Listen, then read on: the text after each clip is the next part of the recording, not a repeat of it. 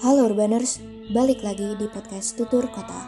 Kali ini kami akan mengangkat segmen Misteri Sudut Kota yang akan membahas tentang kisah-kisah misteri serta keganjilan dimensi lain kota. Stop senyum-senyum, tutup pintu rapat-rapat, dan selamat mendengarkan.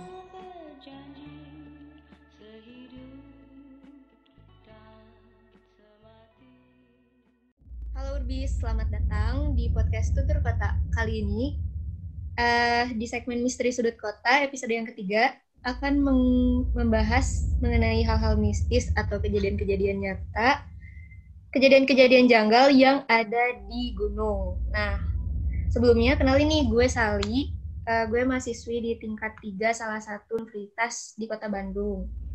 Nah, di cerita kali ini gue nggak sendiri, udah ditemenin sama uh, mas-mas sama mbak-mbak nih yang udah siap menunggu asik.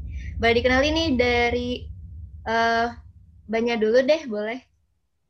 Kenalin siapa namanya, kesibukannya apa, dan dari mana. Halo Urbis, nama gue Rizka, bisa dipanggil Ica. Uh, gue kuliah di salah satu universitas swasta di kota Bandung. Kesibukan gue sekarang ya biasalah sama yang kayak yang lain, ya kuliah daring gitu gitu. Oke selain itu mungkin ada hobi yang bisa dikasih tahu gitu ke urbis-urbis kalian? Sih TikTok kan TikTok kan ya. Ya paling kita mah apa ya geng rebahan HP miring. Oke. Okay. ya, gitu selain itu ya tidur makan. Tidur makan. Ya gitulah. Kadang random ngapain gitu pergi keluar entah ke mana. Asik. boleh boleh Oke, lanjutnya adalah uh, masnya. Masnya, ayo, ayo kenalin. Halo, halo semua. Perkenalkan. Halo. Nama saya Idam Reja. Nama lengkap saya Muhammad Idam Reja. Saya kuliah di salah satu universitas di kota Bandung juga sama kayak Ica juga sama satu kampus lah kalau ini Iya, satu kampus kita. Lemas amat, Kang. Kalian lemas nih.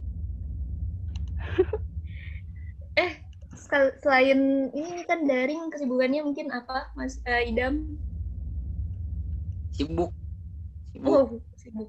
Sibuk tugas. Namatin YouTube juga sibuk. Sama namatin hmm. YouTube. Udah paling kesibukannya itu. Dengar lagu. Dan YouTube, aduh mainnya YouTube nih, gila sih. Hmm. Uh, berputar-putar di YouTube aja gitu ya, Kang. Netflix, Netflix. Ush, Netflix and chill gitu, ya, Cak? Iya, iya. Mari jeng Netflix ya yang kolektif nggak deng nggak sih nggak apa-apa oke boleh perkenalannya udah dapet nih sekarang uh, karena kita tadi kan bahasanya udah dikenali nih tentang gunung.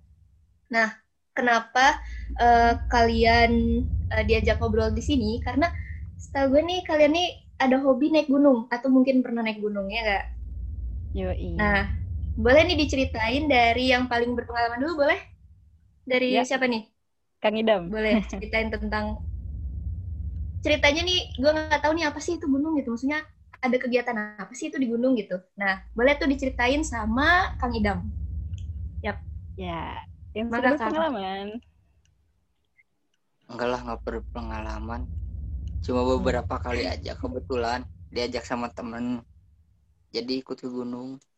Ini ini mah. Kalau mungkin asal muasalnya SMA atau ya, SD mungkin udah dari SD udah. Udah dari banyak udah barbar naik. Kalau pertamanya dari SMA di kelas 10 eh SMA kelas 10 nya kelas 10 iya kelas 10 kan.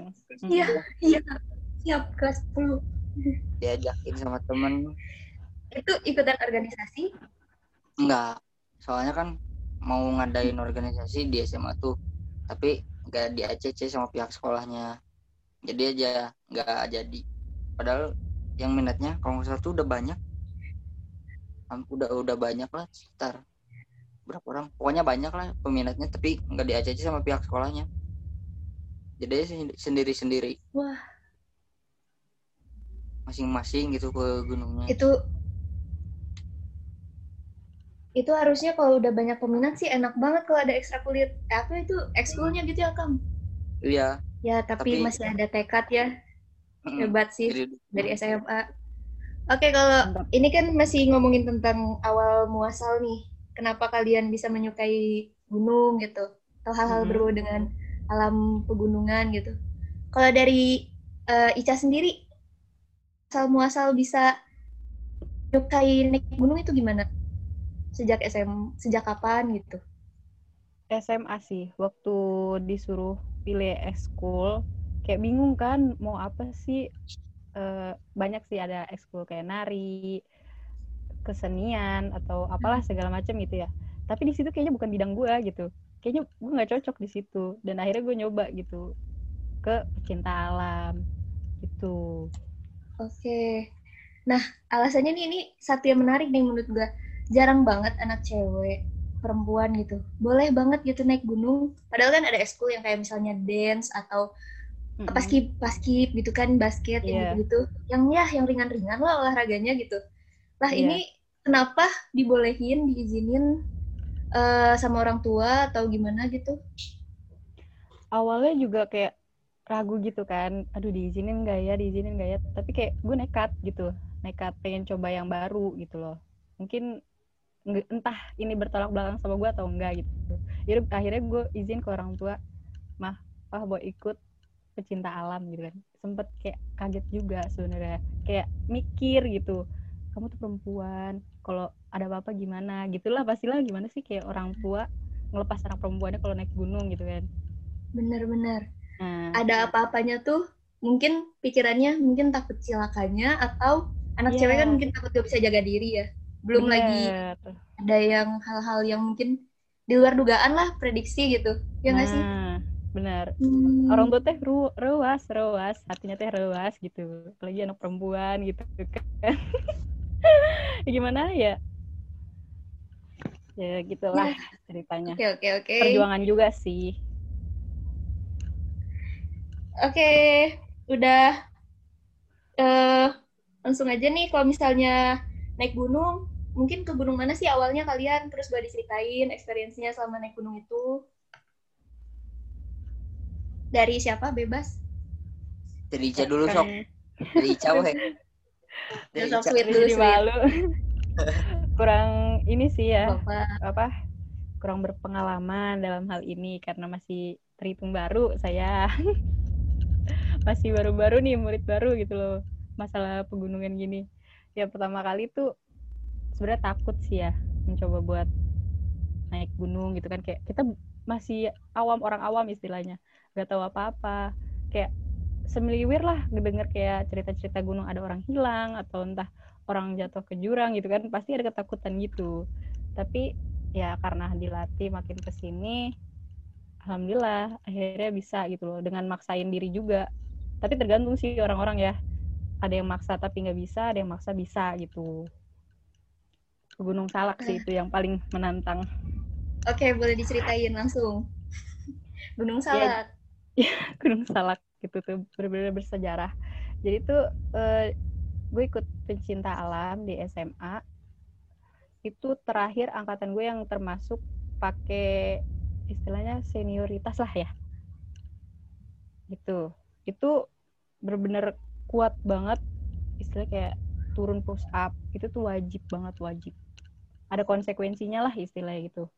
Setiap apa yang kita lakuin ada konsekuensinya nah pas udah udah persiapan nih udah mau naik ke gunung hari haknya datang ya.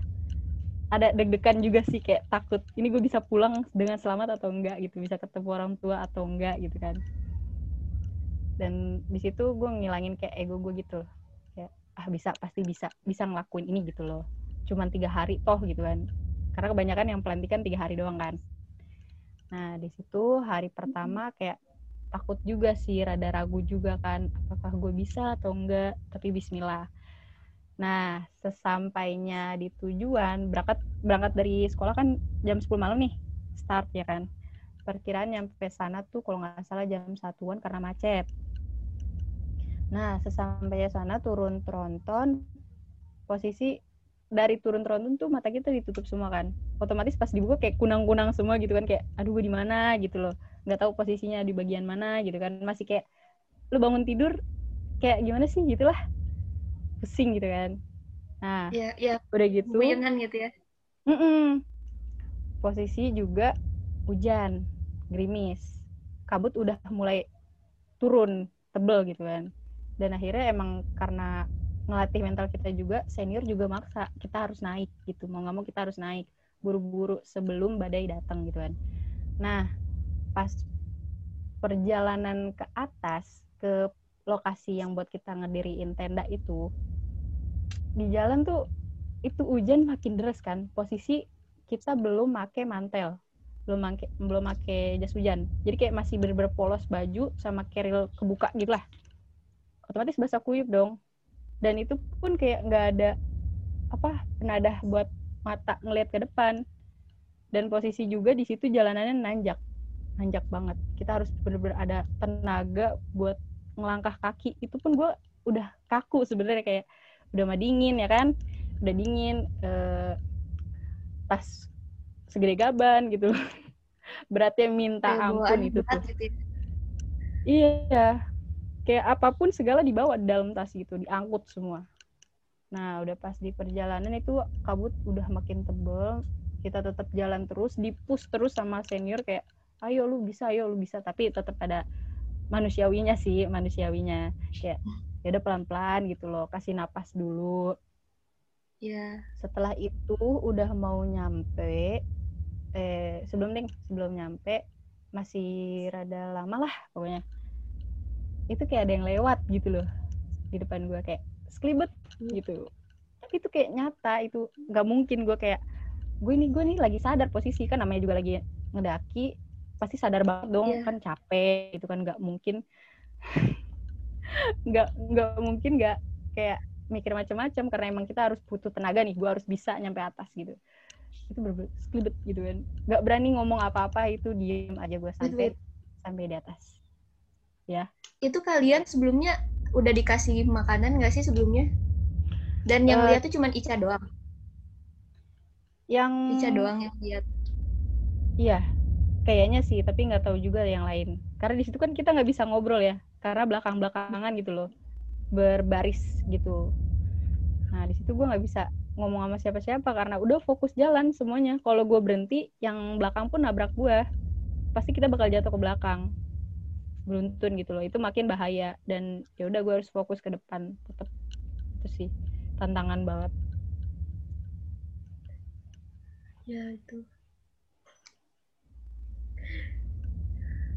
itu sebenarnya Ica udah ketemu yang kayak gitu itu langsung panik atau diem aja udah tetap lanjut gitu kan?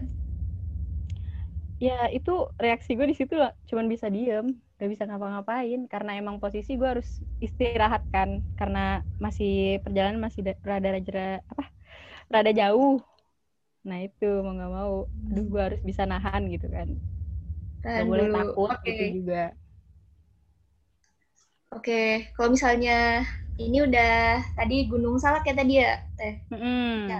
Gunung Salak kalau misalnya dari Kang Idam nih gimana nih cerita naik gunung apa terus ceritanya gimana gitu Em, yang ditemuin saat naik gunung Kalau dari saya, pertama saya SMA tuh ke Gunung Manglayang sama teman berempat. Yang berempat, iya berempat kalau nggak salah. Dari situ udah aja, nggak belum tahu apa-apa aja barang yang yang mau dibawa cuma bawa tuh.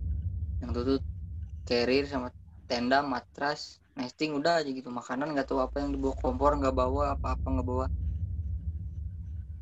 Sam dari Bandung jam ya dari janjian tuh di di sekolah di SMA jam jam tujuh kalau jam tujuh jam jam delapan berangkat langsung sampai sampai sana. Bangun tenda dulu di bawah di camping ground. Rencananya mau ke puncak. Ya udah udah bangun camping ground. Udah bangun camping ground deh. Udah bangun tenda. Udah bangun tenda langsung ke atas aja. Niatnya mau ke puncak tapi nggak jadi. Baru juga setengah jam naik. Pada takut karena lihat babi babi gede lewat. Oh. takutnya kenapa-napa di tendanya. Ya udah terus tong jadi tong jadi tong jadi sih kata kata teman tuh gitu. ya udahlah lagi sama babi babinya Itu tuh nyapa itu, Kang. Selamat datang, welcome gitu. Iya, Itu itu. jelmaan. kayak ini ya apa sih namanya eh, selamat datang gitu ya para tamu Iya. undangan sekalian Selamat datang di kampung saya. tapi bener gak sih janjian itu jelmaan lagi Allahu alam ya. kalau alam ya kalau alam namanya juga hutan ya pasti ada babi Oh, gitu. tahu. siapa siapa kan yang di sana juga beda alam. Iya.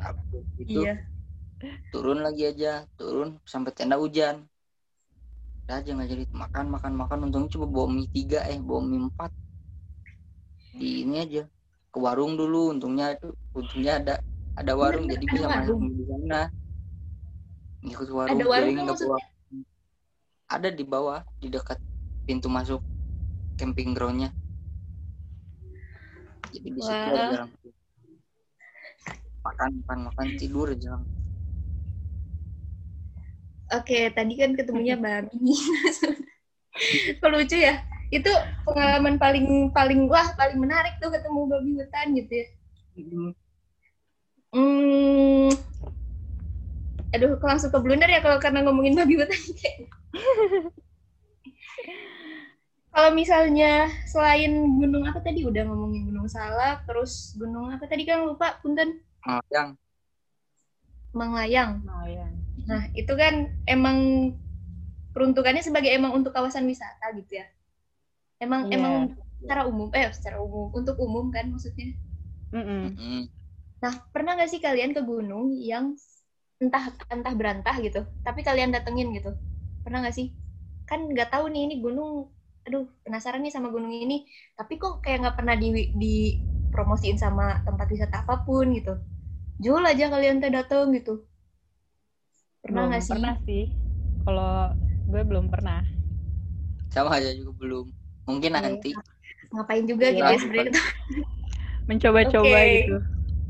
ya mencoba-coba uji nyali gitu kan Eksperimen, nah aduh eksperimen alam eksperimen alam. selain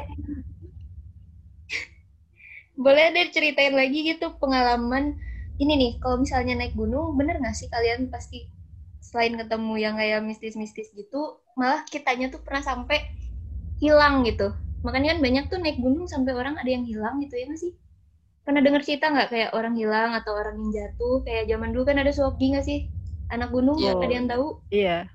Itu kayaknya emang banyak sih yang kejadiannya Kang ya. iya Sering terjadi tuh di mana pun. Mm-mm. Nah itu boleh diceritain siapa? Wala- Walaupun dia disamarkan aja, mungkin ada pesan yang bisa ditarik mungkin dari penaik gunung kayak gitu. gimana ya kalau dari Dari- mungkin dari persiapannya juga kurang fisiknya juga fisiknya kurang terus intinya dari barang bawaan kurang safety lah kalau dari sleeping bag Persiapan alat-alatnya diri gitu. juga kurang. Diri kitanya gitu loh mental. Kayak badan tubuh badan kita tuh siap gak sih sebenarnya gitu. Itu Jadi sih langsung juga. persiapan gas langsung gitu jadi nggak Mm-mm. persiapan gas persiapan gas langsung gas no break Kalau untuk anak gunung sih pasti udah hal yang biasa ya, udah wah udah mentalnya udah cukup nih gitu. Kalau misalnya ini pernah dengar cerita, cerita dikit boleh ya tentang hal mistis di Gunung Ciremai nih. Bukan Boleh, gue sih ya, gue kan nggak expert nih naik gunung gak pernah. Cerita-cerita ada di YouTube pernah dengar katanya kalau orang ini tuh pernah naik gunung Ciremai lewat eh, jalur eh, Palutungan. Katanya tuh eh tahun sekitar berapa ya? Tahun 2007-an gitu kalau nggak salah. Duh, takut salah tahunnya tapi sekitaran something 2007-an gitu. Nah, pas kayak gitu, si salah satu remaja dari tiga orang nih, itu tuh nggak diizinin. Guys, kebayang nggak sih nggak diizinin, tapi lu pergi aja gitu aja gitu. Entah Iya. caranya gimana sampai di ngebohongin orang tua atau gimana itu sebenarnya salah juga sih ya nah tapi pas kayak gitu mereka pergi nah baru inget nih pas ada hal-hal yang udah sebenarnya mungkin untuk mereka sih pertama kali naik gunung katanya. Dan mungkin ini hal yang biasa nih kalau ditanya sama orang tuh pikirannya "Eh, takut diculik nih kita. Jadi si orang ini naik angkot pas ditanya mau ke mana jang? Atau mau ke mana ini? Gitu. Ah, mereka tuh bohong gitu. "Eh, itu mau Hmm. ke itu jadi nggak bilang mau naik gunung gitu karena takut atau gimana gitu. Tapi Iya. orang ini penasaran dan lah kok bawa tas gede? katanya. Itu mah mau naik gunung ya katanya mungkin gitu ya kalau nggak salah. Nah pas Mm. kayak oh udah deh jujur aja ya kang mungkin kayak gitu jawabnya pas udah gitu si akang itulah yang menjelaskan lewat jalur palutungan aja katanya jadi akang itu merekomendasikan lewat jalan itu gitu akhirnya mereka ya namanya bocil-bocil maksudnya bukan bocil ya sorry kayak Percaya gitu ya. percaya percaya aja karena kan Iya. baru pertama kali ya cak Hmm. Nah pas gitu mereka pergi, mereka nanjak. Nah kok posnya kayak gini gitu. Posnya tuh kayak gini pas udah nyampe ke posnya tuh kok kayak gini dan kayak tidak terawat lah pokoknya kayak tidak semestinya bentuk pos tuh kayak gitu gitu. Nah pas mereka lihat ada bangunan pos-pos eh, awalnya tuh apa sih namanya kalau itu dam kalau misalnya Shelter. ada ya ya apa Iya, shelter. ya itu Shelter. shelter. Nah, si salah satu yang ini tuh yang sebagai penceritanya tuh bilang katanya tuh kok udah kelihatan dari sini pemandangan Gunung Ciremai itu bagus banget, udah kayak pemandangan yang bagus. Dan pas udah ke blunder, ke blunder udah ngeliat lagi, kok untuk ngeliat yang kedua kalinya nih ya, ternyata foto jasad-jasad mayat-mayat yang hilang atau Hmm. meninggal. Jadi tadi tuh pikiran mereka tuh udah ke blunder, udah di udah Hipnotis diapain sih Kak? Dicuci Ya, otak lah halusinasi. istilah gitu. di otak oleh siapa? Iya, Entah ke bawah. Hmm. itu udah pemandangan gunung tapi ternyata foto jasad-jasad yang hilang banyak Aduh. boleh nggak sih berarti gunung itu entah bahaya entah apa tapi mereka tetap gitu mau naik gunung kalau aku mau udah kabur kali ya udah deh balik lah udah Udah gak kebayang gitu ya di lokasinya langsung gitu. udah Iya. gitu mereka akhirnya eh, cerita katanya eh, sampai ke gua walet lah dan akhirnya mereka ketemu eh, kuburan yang pernah meninggal di situ lah tapi kuburannya tuh aneh dan pokoknya itu ceritanya bener-bener dapat banget sih kayak mistisnya. Nah dari situ kalian bisa nggak sih eh, cerita tentang pengalaman seperti apa yang didapetin entah sampai kayak gitu tersesat atau gimana ya? Jangan sampai sih mungkin atau dari teman-teman kalian mungkin yang pernah kalian dengar.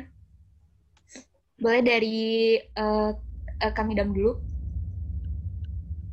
Kalau dari saya waktu ke gunung ke ke Gunung Selamat gitu waktu udah sam dari Bandung tuh dari Bandung tuh naik kereta ke sana sore. Sana sore sampai stasiun Purwokerto jam jam berapa? Jam se jam 2 kalau nggak salah. Udah sampai sana jam 2 sampai base camp. tidur dulu jam 2 jam 2 malam ya. Hmm, udah gitu sampai sana tidur dulu. Udah tidur pagi-paginya baru berangkat nah waktu mau berangkat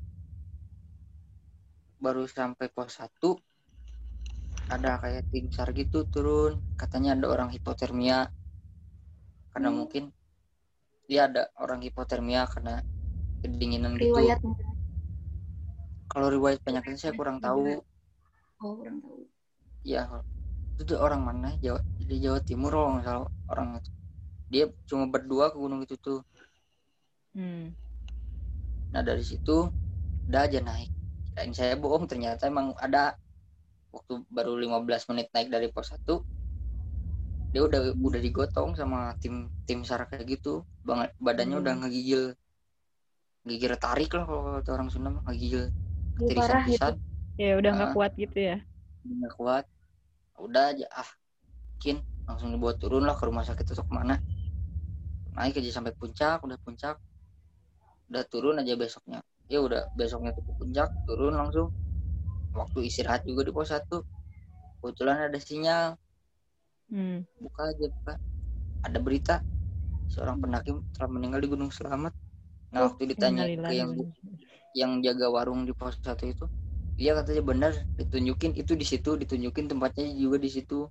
Orang yang kemarin Aduh. aku lihat. Mm, Iya, pas banget gitu ya. Oh, ada juga videonya. Tempat videoin. Ya ampun. Langsung aja. Itu- Ah. Langsung aja udah aja turun tanpa ini ini langsung turun itu semuanya ke base campnya lagi jadi oh, mungkin emang kurang persiapan juga dari dari dianya juga kayak gitu iya Hmm, benar. Oke, kalau dari eh, Teh Ica gimana? Pengalaman naik Oh, dan ceritanya. ya alhamdulillah nggak pernah kesesat gitu tapi jangan sampai gitu kan ya Alhamdulillah. Ya jangan Iya. dong. Iya, itu sering banget ngedenger cerita-cerita temen gitu loh. Ada yang pernah disesatin gitu sampai dua hari. Nah, temen satu temen satu ini dia ke Gunung Ciremai. Katanya sih mau turun, udah udah udah naik, jadi udah mau pulang nih ya. Posisi di pos berapa gitu aku lupa. Dia muter di titik itu aja. Jadi dia tetap jalan, jalan, tapi kok ketemu tempat ini lagi, di lagi, aja. lagi, situ-situ lagi. Kayak wow gitu loh. Padahal samping kiri kanan tuh, eh nggak nggak kiri kanan sih, kiri doang tuh ada jurang gitu kan. Karena eh, dia ngomongnya sih lewat jalur Apuy. Nah sempet itu gue lewatin, pernah naik kan.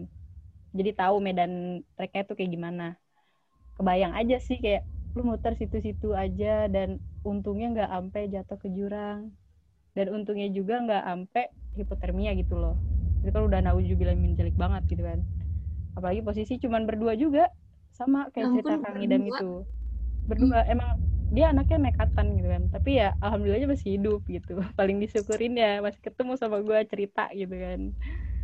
Itu sih dan ya ada cerita lagi beda gunung tapi Hah? Nah, ini eh, pengalaman gue Ya, sendiri boleh. Jadi kayak biasalah sosokan gitu kan. Ter, eh, setelah sekali naik gunung kayak awalnya nyesel, tapi ke sini-sini kayak makin kayak ayo dong, ayo dong naik, nagihin gitu loh. Kalian harus coba walaupun kalian benci gunung, coba sekali naik, pasti yakin nagihin gitu kan. Dijamin deh.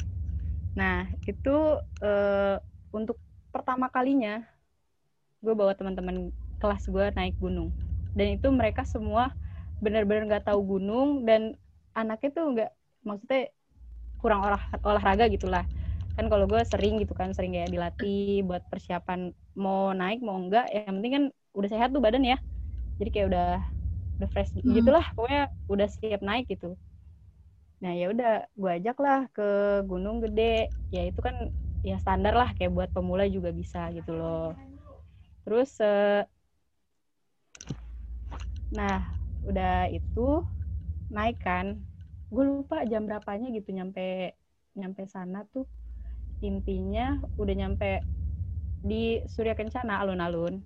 Kita bangun ten bangun tenda. Mhm. itu posisi jam berapa ya? Nyampe sana sore biasalah kita abis bangun tenda kita masak. Kayak ngobrol-ngobrol duduk di luar gitulah. Dan nggak kerasa waktu udah udah gelap gitu kan.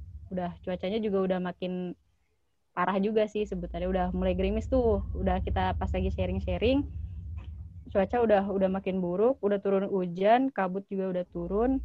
Kita mutusin beres-beresin barang. Masuk ke dalam tenda udah masing-masing gitu kan. Eh, soalnya gue ada cewek satu orang sih gue bawa satu cewek. Jadi gue dua orang ceweknya gitu loh sisanya cowok. Kita bersembilan kalau nggak salah gue lupa. Nah ya udah kan udah dari situ udah kita cerita cerita random lah istilahnya tentang ngomongin anak kelas gimana kita di kelas gitu kan. Udah habis itu nggak terasa waktu udah jam satu. Nah di situ gue nggak bisa tidur dari abis cerita cerita gitu. Tapi temen gue udah tidur nih yang si cewek ini nah di situ Jadi Ica posisi- sendiri aja. Iya, di situ yang melek gue doang nih. Terus gue kayak kok ngerasa kebelet pipis gitu kan. Di situ aduh udah udah gaswat banget itu udah parah.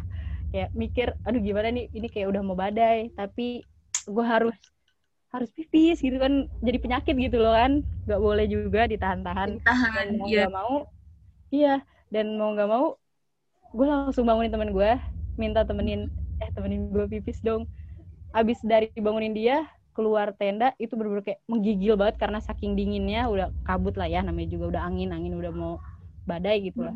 Tapi alhamdulillahnya nggak badai. Terus kayak lihat sekeliling itu kan luas banget ya namanya surya kencana itu kayak bener-bener ah nggak bisa disebut apa ya lapangan lah tapi lebih dari lapangan gitu loh saking luasnya kan. Dan itu pun nggak ada kenapa? Cak, boleh bayangin gak sih? Maksudnya sejauh mata memandangnya tuh nggak ada apa pun gitu di depan kayak iya luas aja gitu dataran. Heeh. Lu lihat kalau lihat tuh bener-bener wah luas banget kayak bener-bener itu tanah kosong banget berapa kira-kira ya? Cak, tapi kan gelap gak sih, Cak? Gelap banget di situ gelap banget. Posisi udah Oh. hujan kan, embun juga eh kabut juga turun. Mau nggak mau kan cari tempat lah. Nah, di situ pohon yang rindang yang tinggi-tinggi tuh di Hmm. tepi-tepinya gitu loh, nggak ada yang di tengah-tengah gitu. Jadi mau nggak Hmm. mau dong kita harus nyari ke pinggir.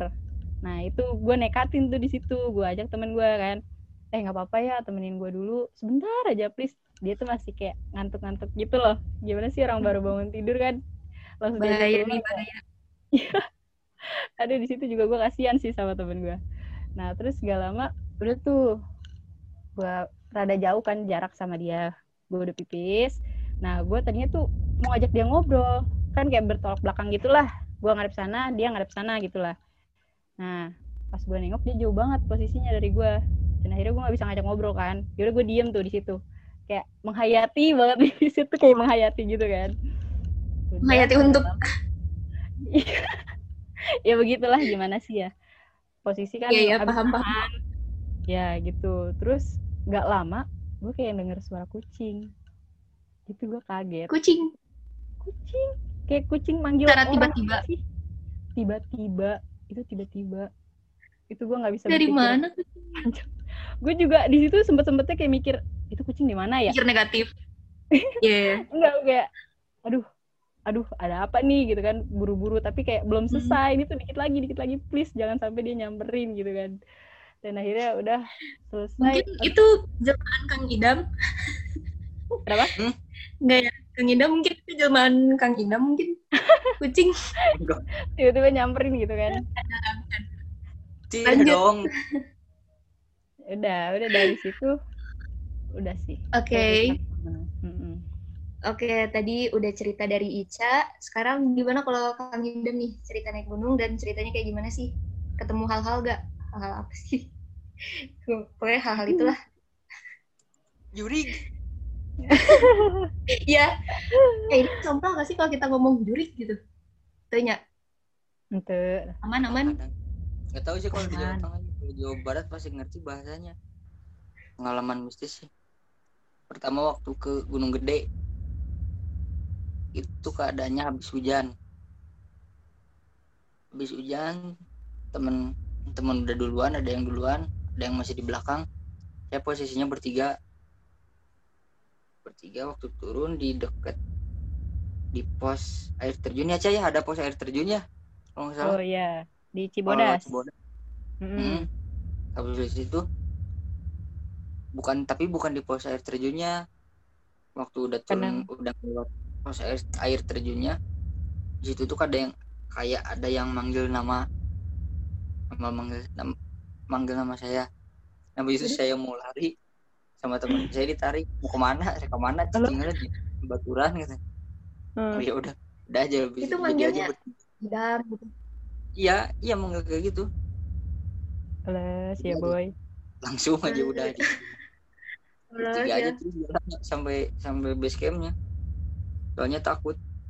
Iya. Untung untung lagi itu diculik kang. Untung tidak disabkan disumputkan terus habis itu ada lagi di Gunung Guntur. Waktu berempat iya berempat dari Bandung naik bot dua motor. Sampai sana tuh jam 8 jam 8 malam sampai base camp Hmm. jam 9 naik. Baru juga sampai portal. Teman diliatin diliatin sama itu sama Kunti. Di pohon pisang katanya. Waduh.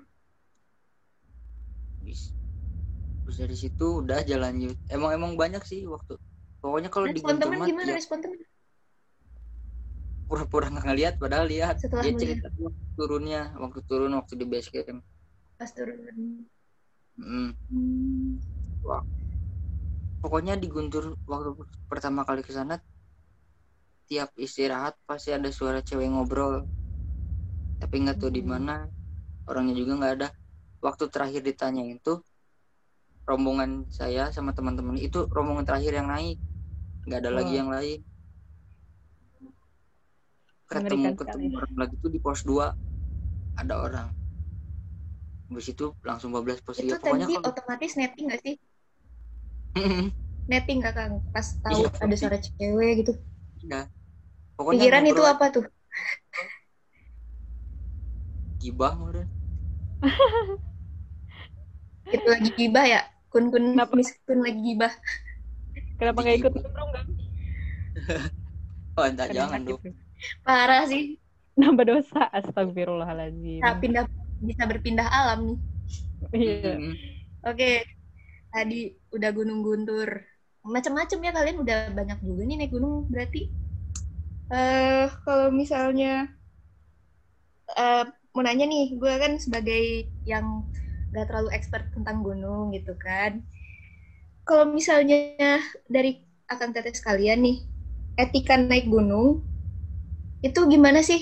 Kalau misalnya, misalnya nih gue nggak tahu nih eh, sebagai pe- pendaki pemula ceritanya besok nih pengen cus nih ceritanya ya, pengen cus Mhm. nih, duh tapi nih mendadak nih kira-kira bawa apa aja sih gitu? Ceritanya langsung nanya gitu ke Kang Teteh bawa apa aja? apa banget ya pertanyaannya? Tapi mungkin apa gitu etika dan em, barang bawaan lah intinya gitu biar Kayaknya kita merasa safe, safety dan Iya.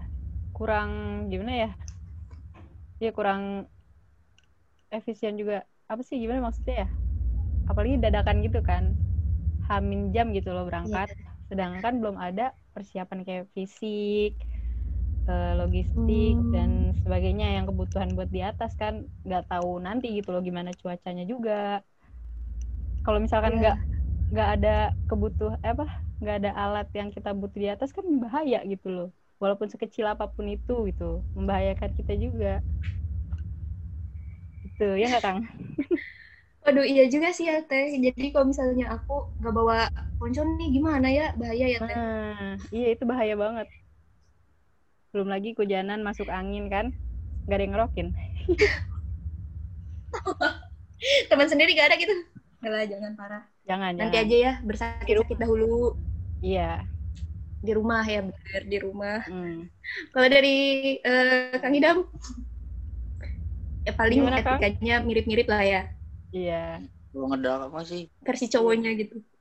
kalau emang nggak ada alat-alat yang proper mah mending mending nantilah daripada ngelakain diri sendiri atau apa gitu Nggak jadi gitu.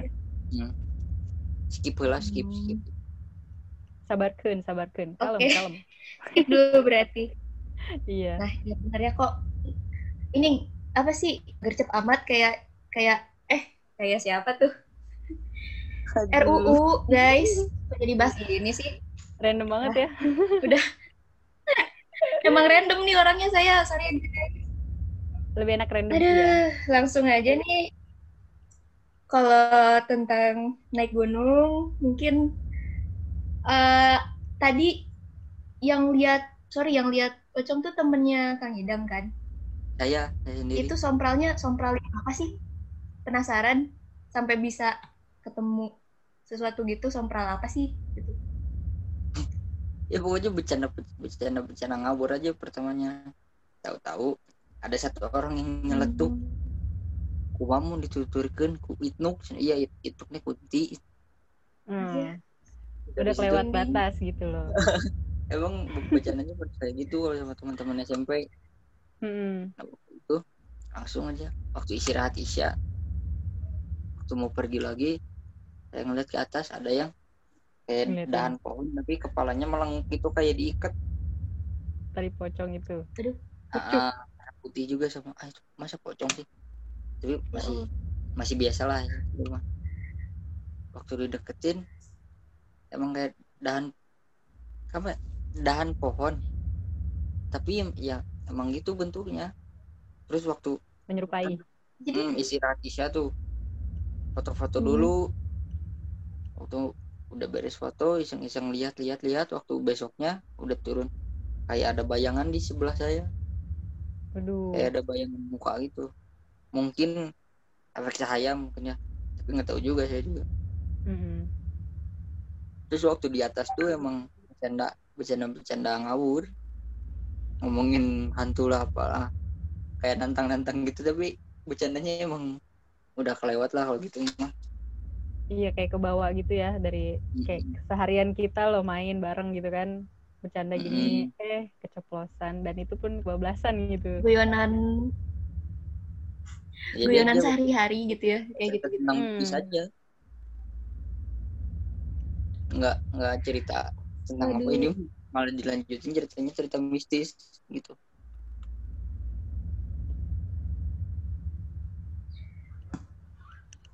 Oke, jadi tadi udah ketemu nih sama hal-hal begituan. Oke, jadi tadi udah ketemu nih sama hal-hal begituan. Terus kesimpulannya apa sih yang didapat dari naik gunung dan pengalaman dari pengalaman kalian deh? Apa yang dipelajari gitu? Dari naik gunung terus ketemu hal-hal gituan gitu. Mungkin bisa disampaikan buat Urbis. Banyak doa. Oke, Kang lanjut. Banyak doa. pun Dan ini selain banyak doa nih, kan kalau kita ke alam tuh kan kita ceritanya sebagai tamu. Terus kalau misalnya eh kita sebagai ibaratnya sebagai manusia lah ya, sebagai dikata sebagai manusia yang hidup selaras dengan alam, itu tuh gimana sih kita untuk menjaga kelestarian alam? Gunung kan juga eh, makhluk hidup ya sebenarnya kan. Ya tapi Iya. nam- eh, ya maksudnya dalam mereka juga punya nyawa di dalamnya gitu hewan-hewan gitu. Gimana sih Mm. caranya kalian menjaga kelestarian gunung tersebut tetap eh, eh, terjaga gitu? Kan banyak tuh yang naik gunung. Adabnya lah gitu kepada alam gitu. Seperti apa?